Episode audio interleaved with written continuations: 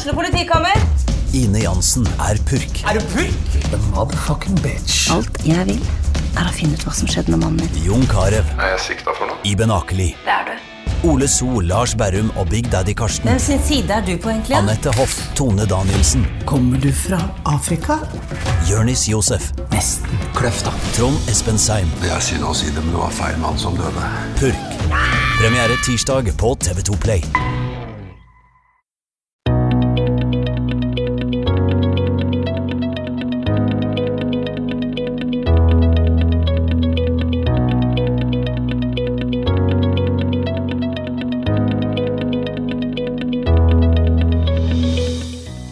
Hei og velkommen tilbake til TV-podden.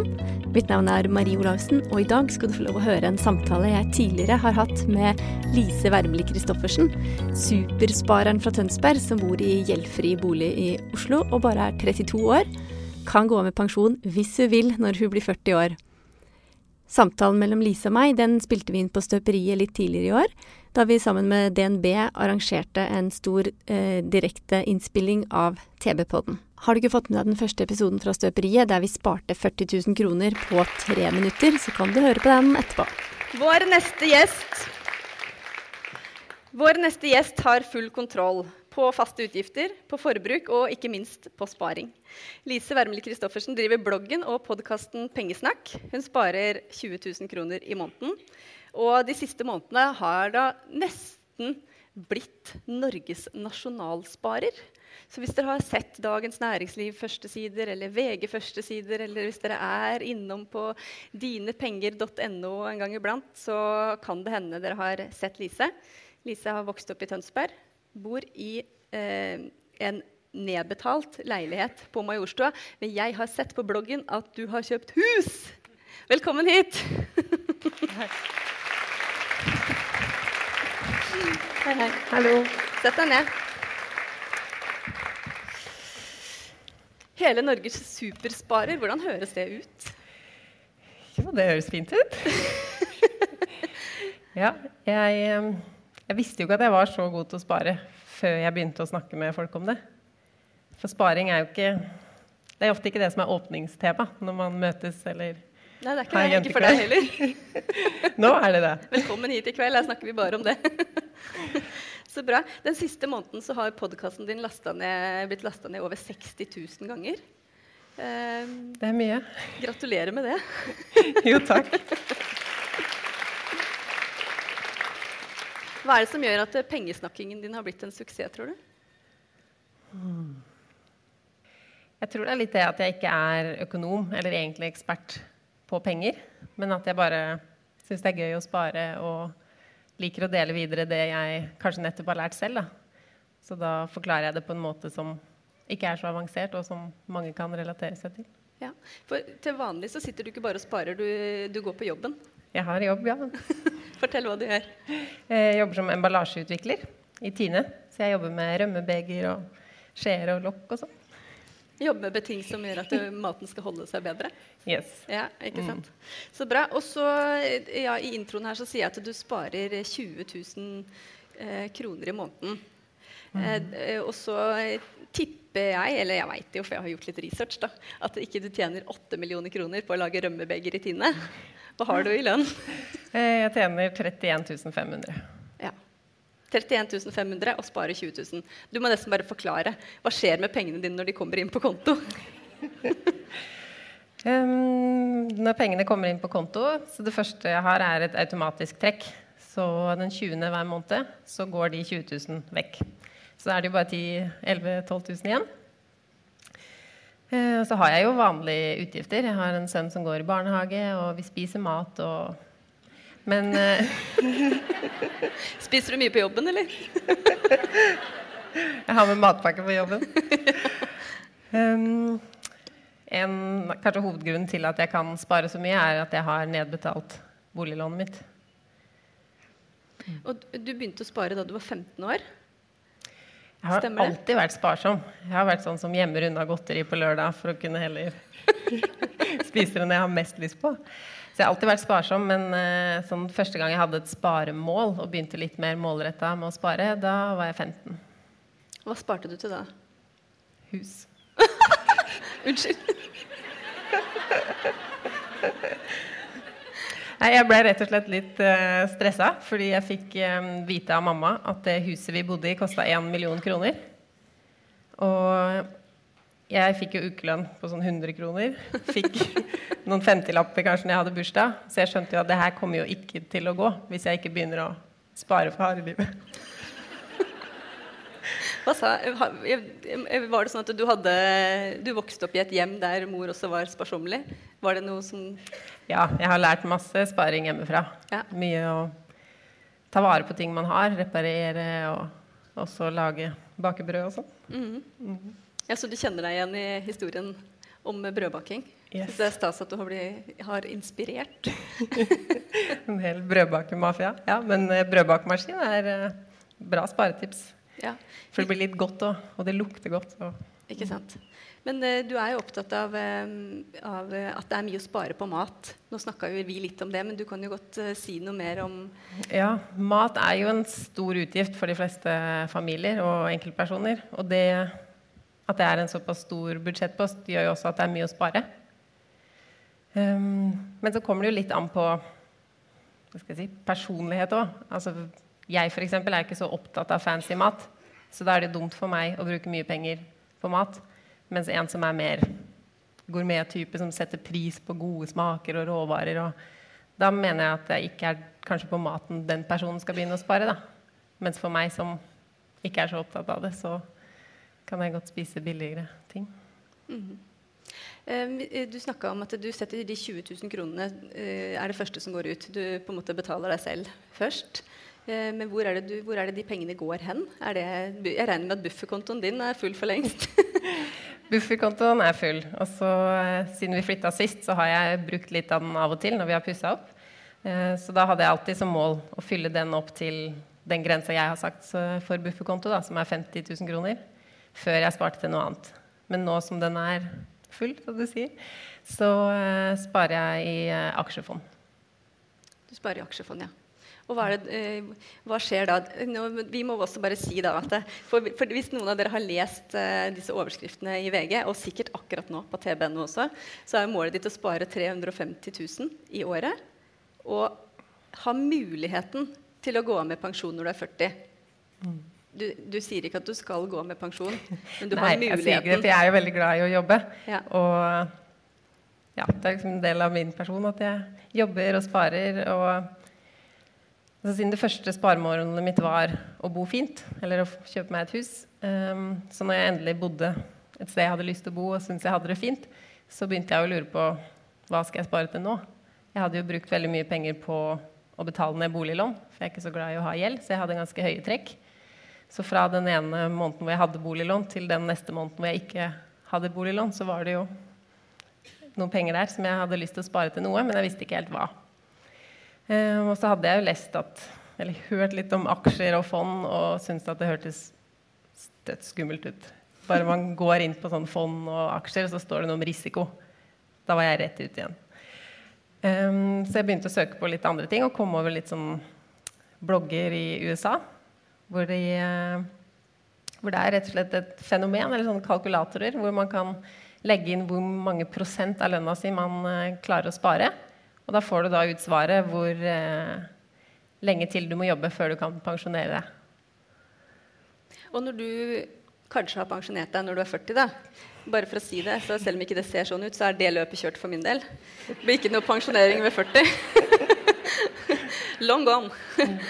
men, eh, men, eh, det betyr at du kan leve av avkastningen. Er det, ikke sant? For det betyr ja. at du trenger ikke du trenger jo fortsatt penger til mat. Jeg trenger sånn. fortsatt penger. Du trenger ikke inntekt. Um, men jeg skal ikke ta noe av den formuen som jeg har spart. Jeg skal kun ta avkastningen. Og hvor mye må du spare for at det skal være en grei deal? Um, 3 750 000. Sjokoladepålegg, sier jeg bare. Og hjemmebakt brød. Bare kom i gang i dag. ja, det er jo ofte det at vi er litt flinke til å undervurdere småpenger. Altså, jeg er veldig opptatt av det at store formuer er jo bygd opp av småpenger. Det står plutselig ikke millioner på konto. Det er 20-kroninger og 200-lapper. Så det lønner seg å spare selv om det er små beløp. Mm. Du har eh, noen fine metoder for sparing som gjør at det blir veldig visuelt. Og for meg, da, som er, synes at, ja, apropos, her er det da, vi har starta dette prosjektet også hjemme sammen med ungene mine. Vi har begynt å tegne fargelegge spareballonger for mm. å kunne reise på en helt vanvittig ferie til neste år. Som ingen burde ta seg råd til når de fortsatt har uh, nå 9000 kroner på kredittkortet. Men likevel, kan du fortelle om spareballongene dine? Det syns jeg var en fin idé. Ja, Spareballongene er egentlig bare et ark fullt av blanke ballonger som man kan fargelegge. Uh, og grunnen til at jeg lagde de, var uh, for um, å kunne spare til Altså for å fylle opp bufferkontoen. For bufferkontoen er jo en ting som er veldig kjedelig å spare til. Nettopp fordi at du ikke veit hva du egentlig sparer til. For du sparer jo til noe uforutsett som kan skje en eller annen gang i framtiden. Så det er kanskje det kjedeligste sparemålet du kan ha. Det er ikke noe sånn motiverende som en ferie du kan glede deg til. Eller, ja. um, så da er systemet sånn at du sparer 1% av lønna di en måned og fargelegger én ballong. Uh, for jeg tenkte sånn 1% det klarer alle. Um, og så måneden etter så må du spare 2 av lønna. Men da får du fargelegge to ballonger. Så det er sånn veldig banalt, men det er ganske tilfredsstillende å faktisk fargelegge. Og yes, jeg klarte å spare. Og hvis du måneden etter klarer å spare 3 av lønna, så har du plutselig fargelagt seks ballonger. Og så til slutt er hele ballongen fargelagt, og så har du en bufferkonto med bra størrelse.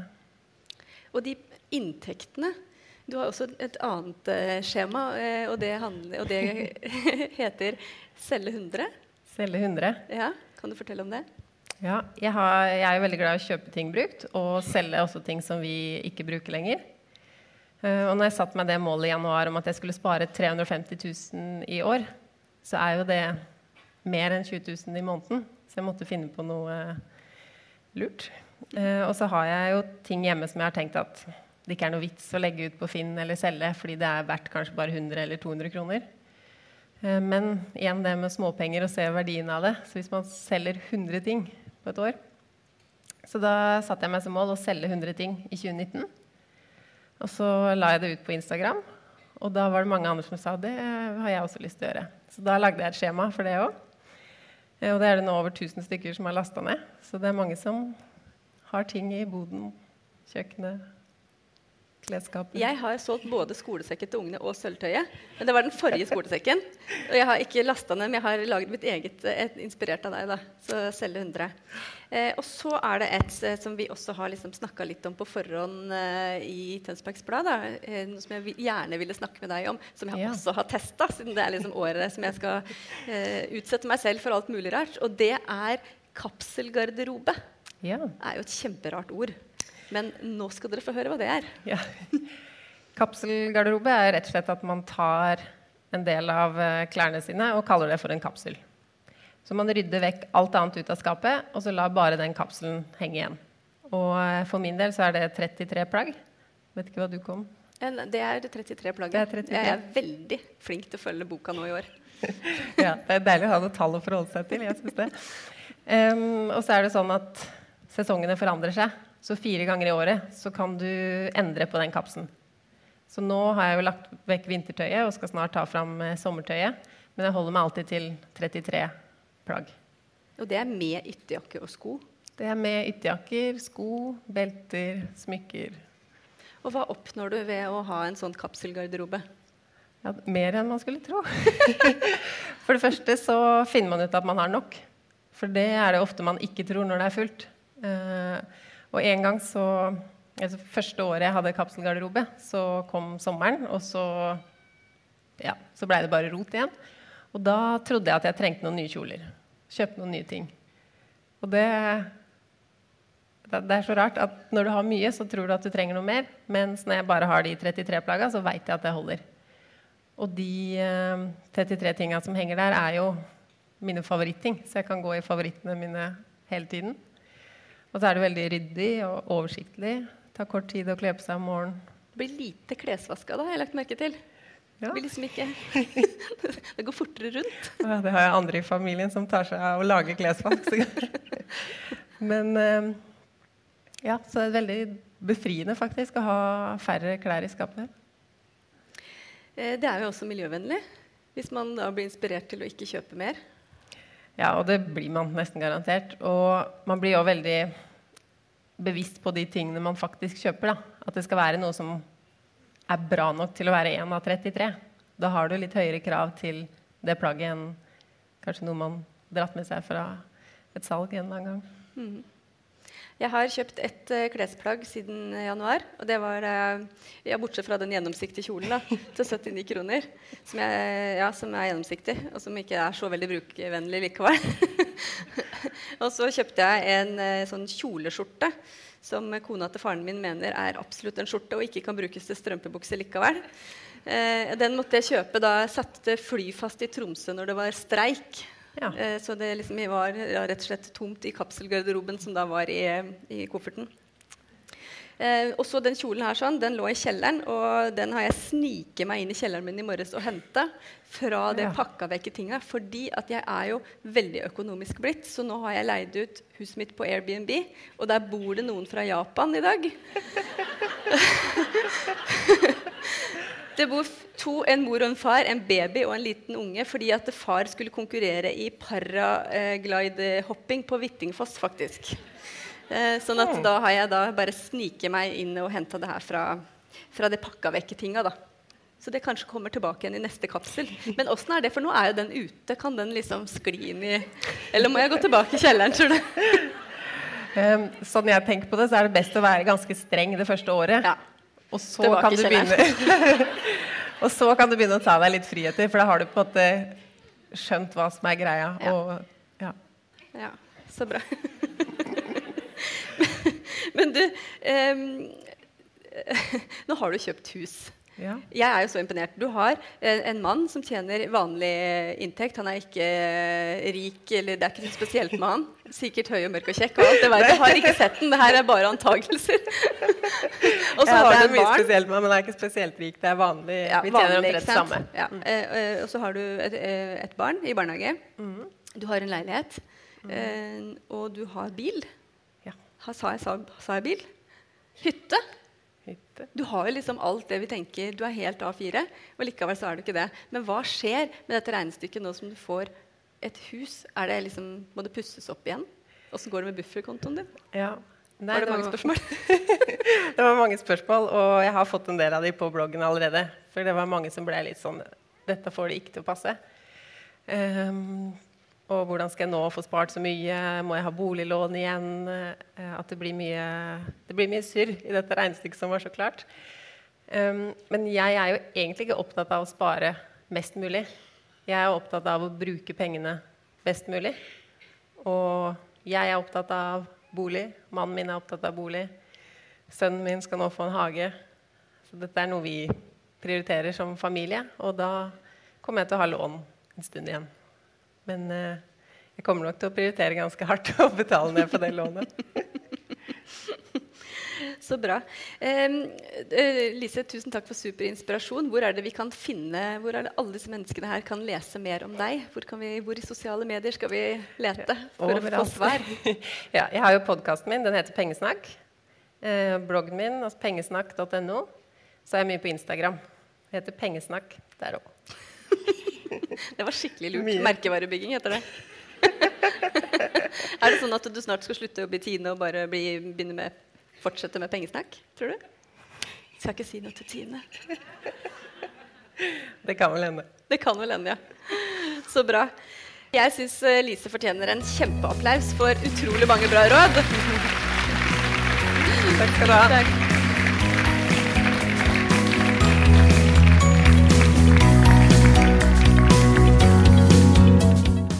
Du har hørt en podkast fra Tønsbergs Blad. Den episoden er laget av meg, Marie Olavsen. Vår ansvarlige redaktør er Sigmund Kydland, og musikken er laget av Scott Holmes. Vil du høre mer fra oss, så søk opp Tønsbergs Blad i podkast-appen din. Vi høres. Hei så lenge.